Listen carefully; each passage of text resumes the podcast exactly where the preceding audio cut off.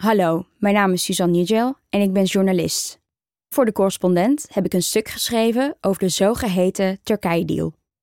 Acht jaar na de migratiedeal tussen Turkije en de EU is de situatie van miljoenen Syrische vluchtelingen in Turkije bedroevend. Ze hebben nauwelijks toekomstperspectief en de meeste Turken zien hen liever vertrekken.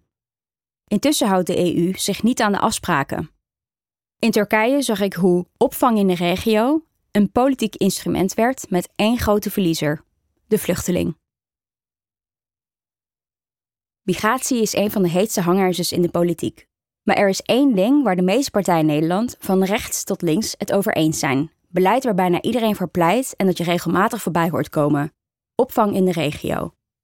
Of het nou gaat om de PVV of GroenLinks PVDA, het idee is dat vluchtelingen geholpen zijn bij goede regionale opvang, plekken in de buurt van het conflictgebied waar ze vandaan vluchten. Dat moet voorkomen dat migranten de gevaarlijke oversteek maken naar Europa en zorgen dat ze, als het stof in hun thuisland eenmaal is neergedaald, makkelijk kunnen terugkeren. Een concrete pijler van het Europese migratiebeleid is de deal die de EU en Turkije in 2016 sloten in een poging iets te doen aan de toestroom van vooral Syrische vluchtelingen naar Europa. Turkije, dat grenst aan Syrië, beloofde migratie terug te dringen in ruil voor 6 miljard euro steun voor de opvang van vluchtelingen. De overeenkomst ging de boeken in als de Turkije-deal en was een persoonlijke overwinning voor premier Mark Rutte. Nederland was destijds voorzitter van de EU. Rutte vond dat het aantal vluchtelingen drastisch moest verminderen.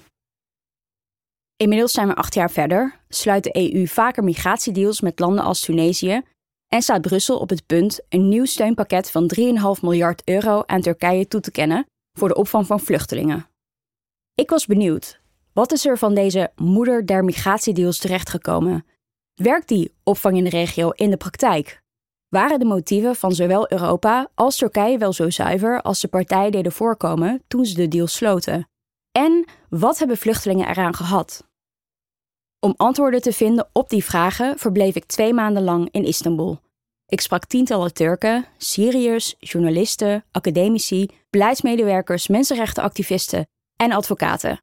Hoe meer mensen ik sprak, hoe duidelijker het me werd dat de Turkije-deal niet om vluchtelingen gaat, maar dat dergelijke migratiedeals voor regeringen op de eerste plaats een politiek instrument zijn, op het wereldtoneel en in eigen land. En ik zag met eigen ogen hoe er bij zo'n politieke uitruil tussen twee grootmachten één grote verliezer is: de vluchteling. Om te begrijpen waar de Turkije-deal vandaan komt, moeten we even terug in de tijd, naar het begin van de oorlog in Syrië in 2011. Door het aanhoudende geweld ontvluchten steeds meer mensen het land. Het leeuwendeel blijft in de regio en wordt opgevangen door omliggende landen als Libanon, Turkije en Jordanië. Een klein deel reist door naar de EU. In 2015 ontstaat er een piek in de migratiestroom. Een deel van de Syrische vluchtelingen probeert met hulp van mensensmokkelaars Europa te bereiken via illegale routes, met Turkije als belangrijk doorgangsland. Duizenden mensen stappen in gammele smokkelaarsbootjes om van Turkije over te steken naar EU-lidstaat Griekenland. Het zijn gevaarlijke ondernemingen.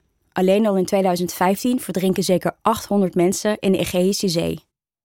Veel vluchtelingen stranden op Griekse eilanden voor de Turkse kust die niet toegerust zijn op de opvang van duizenden mensen, met chaotische taferelen tot gevolg. Turkije en de EU beginnen te onderhandelen om deze manier van vluchten te ontmoedigen, de grenzen met Europa strenger te bewaken en vluchtelingen een aantrekkelijker alternatief te bieden.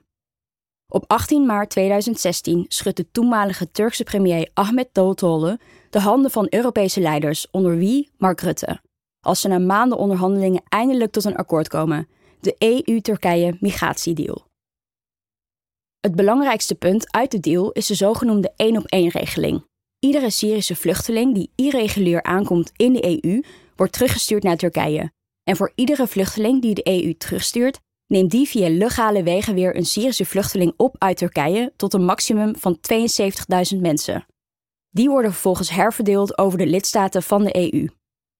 Voor deze deal betaalt de EU Turkije in totaal 6 miljard euro om de vluchtelingenopvang te bekostigen. En de EU belooft het land om de stroperige onderhandelingen voor toetreding tot de Europese Unie te hervatten, visumvrij reizen van Turken naar Europa op tafel te leggen en de regels rondom import en export tussen de EU en Turkije te herzien. Hoewel Europese regeringsleiders in de eerste jaren na de deal de effecten ervan prijzen, het aantal vluchtelingen naar de EU daalde, klinkt er ook kritiek. Van het terugsturen van irreguliere migranten naar Turkije komt nauwelijks iets terecht. Volgens de Griekse directeur voor asielzaken neemt het land sinds 2020 zelfs helemaal geen vluchtelingen meer terug. En omgekeerd houdt de EU zich ook niet aan de afspraken. De hoeveelheid Syrische vluchtelingen die Europa overnam van Turkije blijft ver steken onder wat werd beloofd in 2016. Intussen zijn de visumregels voor Turken nog altijd niet versoepeld. Inmiddels is Turkije het land met de meeste vluchtelingen ter wereld, zo'n 4 miljoen, ruim 4% van de bevolking. En hoewel de steun vlak na het uitbreken van de oorlog in Syrië in 2011 nog ruimhartig was, in navolging van president Erdogan zagen veel Turken het als hun morele plicht om onderdak te bieden aan hun Syrische broeders en zusters, is dat sentiment radicaal omgeslagen. Ruim 80% van de Turken ziet de Syrische vluchtelingen liever vertrekken. De oorzaken daarvoor zijn politiek en economisch, zeggen de deskundigen die ik spreek. In tien jaar tijd kwamen er ruim 4 miljoen mensen bij in een land dat kampt met extreme polarisatie, een ingewikkeld politiek klimaat en een instabiele economie. De inflatie in Turkije bedraagt meer dan 60% De meeste vluchtelingen wonen in arme grensprovincies als Hatay, Gaziantep en Şanlıurfa, waar ze soms een kwart van de bevolking uitmaken. Dat waren al kwetsbare gebieden die te maken hebben met onderwijsachterstand, armoede en kansenongelijkheid. Maar de komst van een grote groep nieuwkomers zet het dagelijks leven extra onder druk, zegt socioloog Didem Danish van het Onderzoekscentrum voor Migratie verbonden aan de Galatasaray Universiteit. De huurprijzen zijn geëxplodeerd, klassen zijn overvol en dan zijn er ook nog de gevolgen van de verwoestende aardbeving van een jaar geleden bijgekomen. De bevolking begint te moeren. Er is een serieuze verarming onder het volk, maar mensen kunnen hun onvrede niet direct uiten naar de machthebbers, want daar zitten consequenties aan vast. Voor een kritische tweet kun je al aangehouden worden. Daardoor is er veel opgekropte woede onder de bevolking, zegt onderzoeker Didam Danish. En die woede richt men collectief op de zwakste schakel, Syrische vluchtelingen. In de afgelopen jaren leidde dat tot tientallen rellen en racistische aanvallen met soms zelfs een dodelijke afloop. Politici spelen handig in op die gevoelens. De presidentsverkiezingen van mei vorig jaar stonden volop in het teken van migratie. Oppositiekandidaat Kemal Kılıçdaroğlu ging vol op het anti-vluchtelingen-orgel en verspreidde in de tweede ronde campagneposters door het hele land met de boodschap Suriyeliler gidecek. Syriërs zullen gaan. Om Erdogan weg te krijgen sloeg hij de handen ineen met ultranationalist Umit Özda, die notoire desinformatie verspreidt en vluchtelingen verdacht maakt.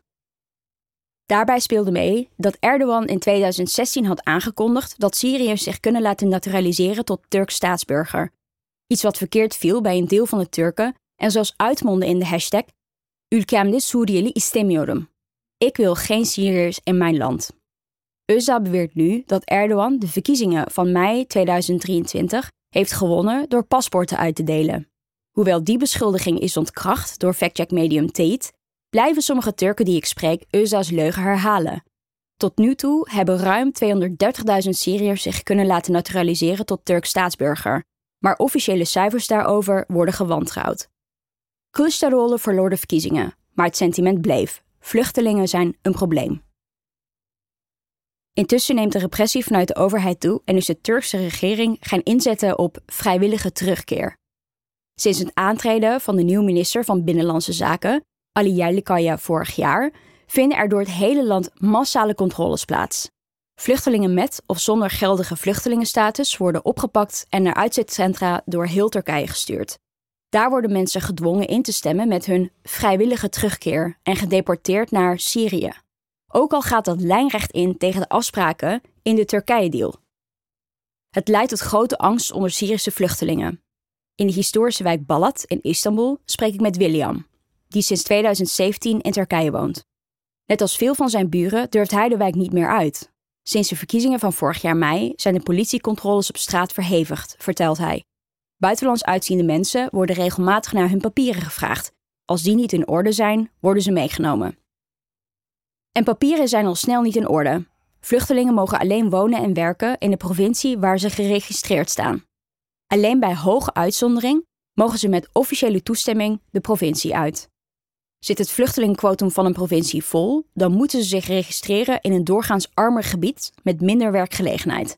Aangezien de meeste vluchtelingen amper kunnen rondkomen, besluiten sommigen alsnog illegaal te verblijven in provincies waar ze niet geregistreerd staan, maar waar wel werk is. William en andere Syriërs die ik spreek, hoor ik vaak het woord haps noemen als ze over Turkije praten.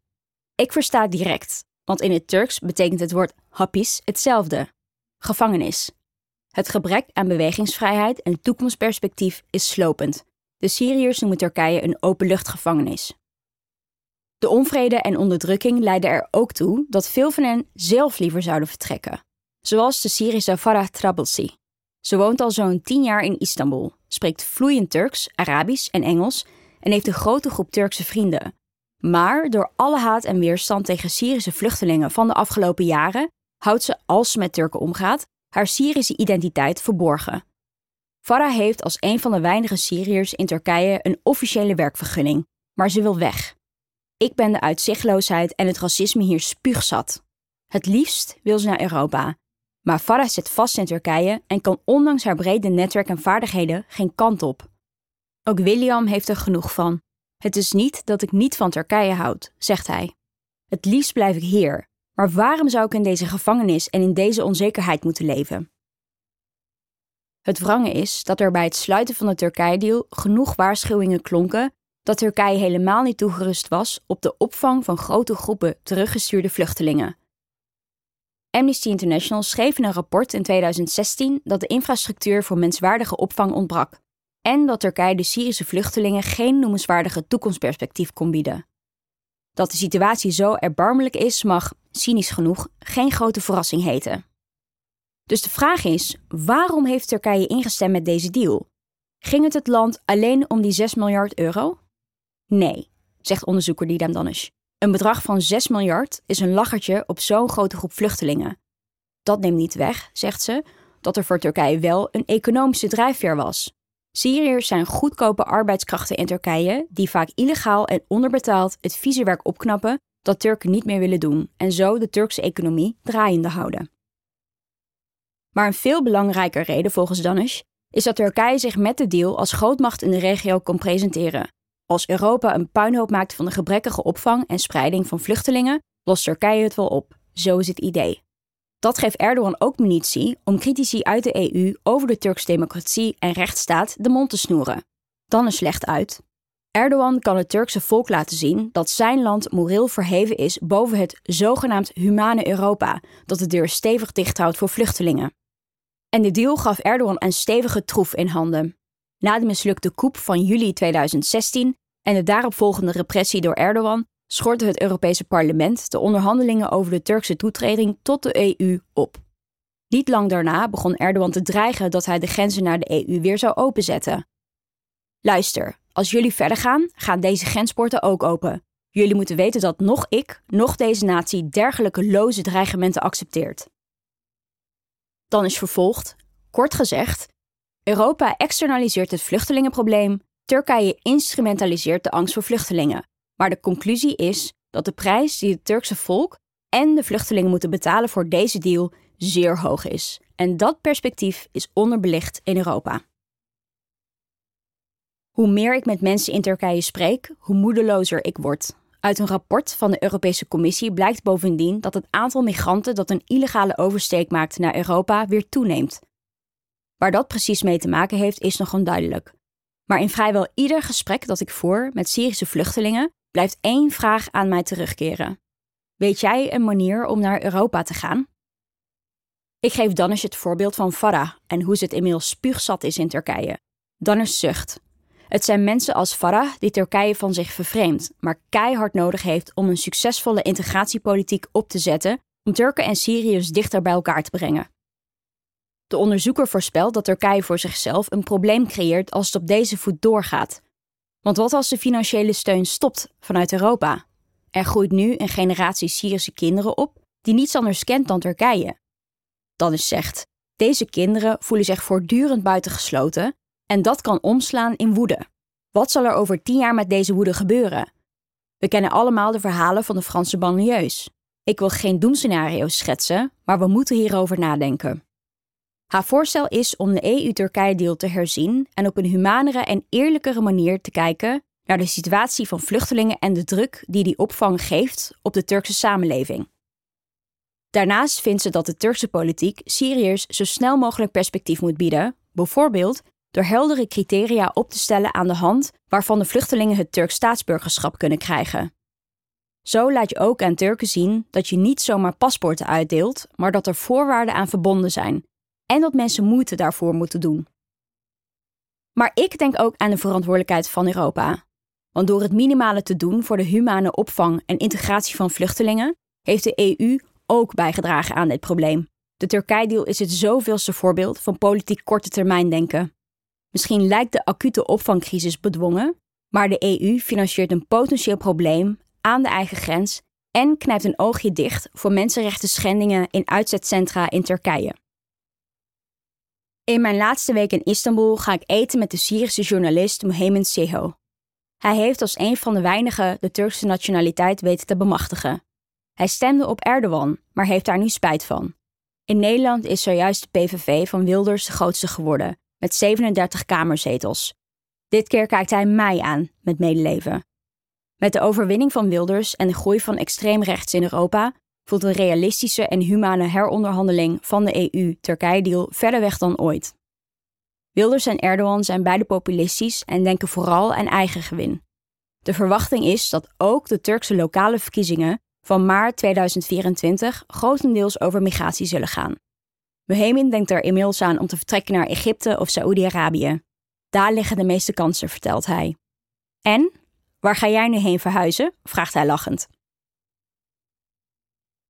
Bedankt voor het luisteren. Dit project kwam tot stand met financiële steun van het Fonds Bijzondere Journalistieke Projecten.